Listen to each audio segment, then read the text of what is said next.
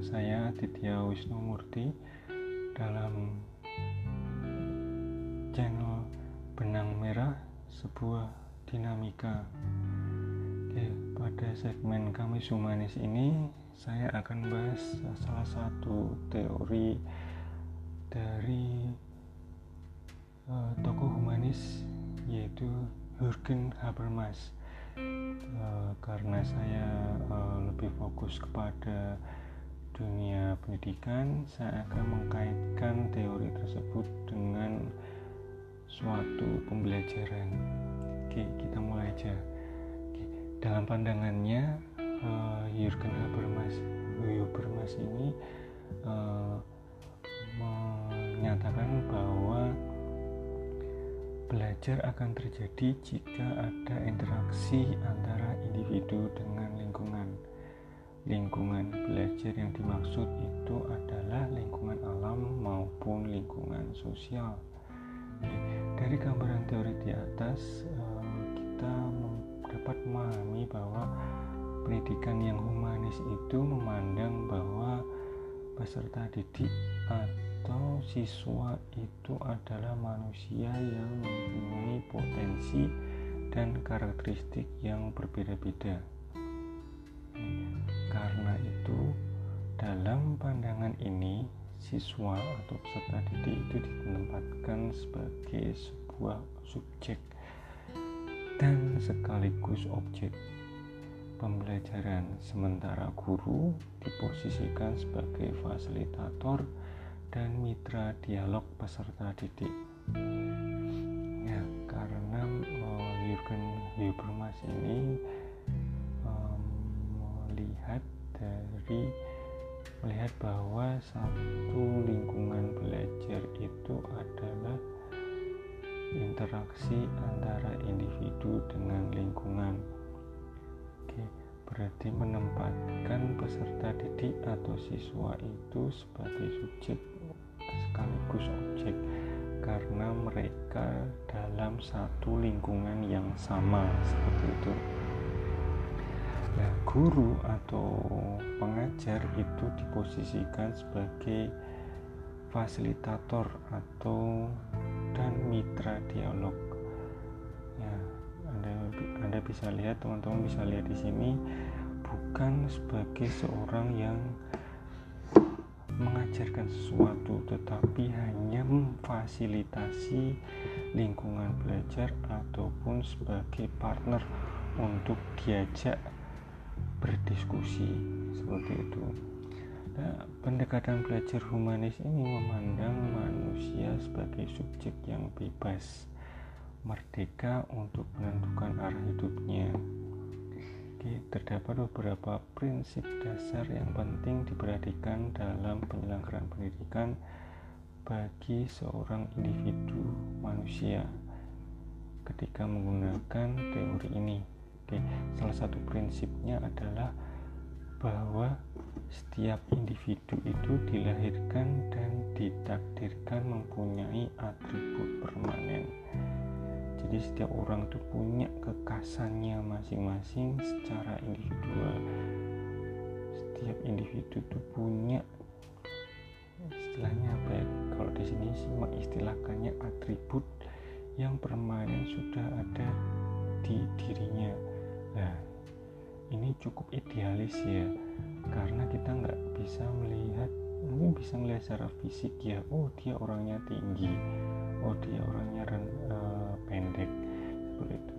Tapi ada atribut yang mungkin secara mental tidak bisa dilihat oleh mata dan itu sebagai uh, istilahnya sudah ada kas ada dan kas di masing-masing individual Oke, nah ini dalam dunia pendidikan bentuk khas dari dari atribut permanen itu e, bisa tampil dalam intelijensi, sikap, prestasi, ya, dan e, sebagainya.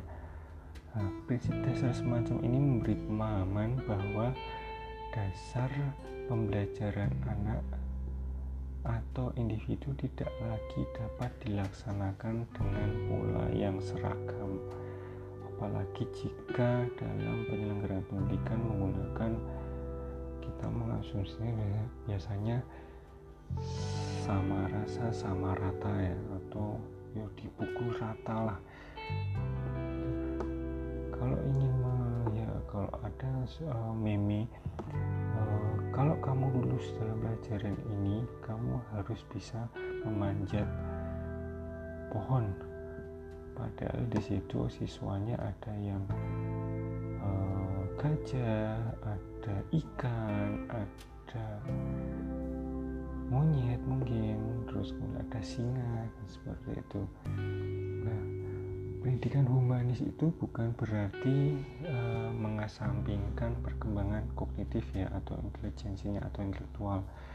Jadi pendidikan humanis itu memandang bahwa perkembangan kognitif atau intelektual itu sama pentingnya dengan afektif siswa yang harus dikembangkan yang merupakan aspek terpenting dalam pendidikan.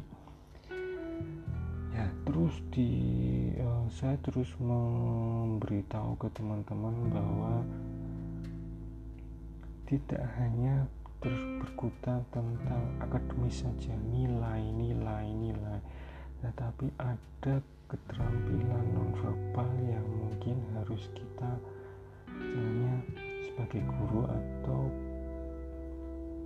pendidik itu melihat keterampilan nonverbal yang itu sebenarnya harus ditingkatkan aja deh. Ditingkatkan ditingkatkan ditingkatkan ditingkatkan dikembangkan. Karena itu menjadi aspek penting dalam sebuah pendidikan. Oke. Jadi jelas kalau pendidikan humanis itu berorientasi pada pengembangan diri kemanusiaan nilai-nilai manusiawi, nilai-nilai kultural, kultural dalam pendidikan. Oke, sasaran pokoknya adalah membentuk anggota keluarga, masyarakat, dan warga negara yang baik yang memiliki jiwa demokratis, bertanggung jawab, harga diri, kreatif, rasional, objektif, tidak berprasangka, mawas diri terhadap perubahan dan pembaharuan serta mampu memanfaatkan waktu senggang secara efektif. Oke, jadi saya ulangi lagi bahwa Jurgen Habermas ini melihat bahwa uh, belajar itu bisa terjadi antara interaksi antara individu dengan lingkungan ya karena interaksi ini menempatkan peserta didik itu sebagai subjek sekaligus objek. Tidak hanya berkutat tentang bagaimana meningkatkan nilai uh, akademis atau kemampuan kognitif tetapi juga meningkatkan kemampuan-kemampuan lain atau lebih dikatakan uh, lebih dikatakan sebagai nilai-nilai manusiawi, nilai-nilai kultural. Jadi tidak hanya menciptakan warga negara yang berpendidikan atau dalam tanda kutip ya berintelektual, tetapi mereka memiliki jiwa dan mental yang kuat juga seperti demokratis, bertanggung jawab, harga diri, kreatif, rasional dan sebagainya seperti itu. Ya, seperti itu saya rasa cukup untuk uh, sharing saya di hari ini pada segmen Kamis Humanis. Sampai ketemu minggu depan. Saya Aditya Wisnumurti dalam Benang Merah sebuah dinamika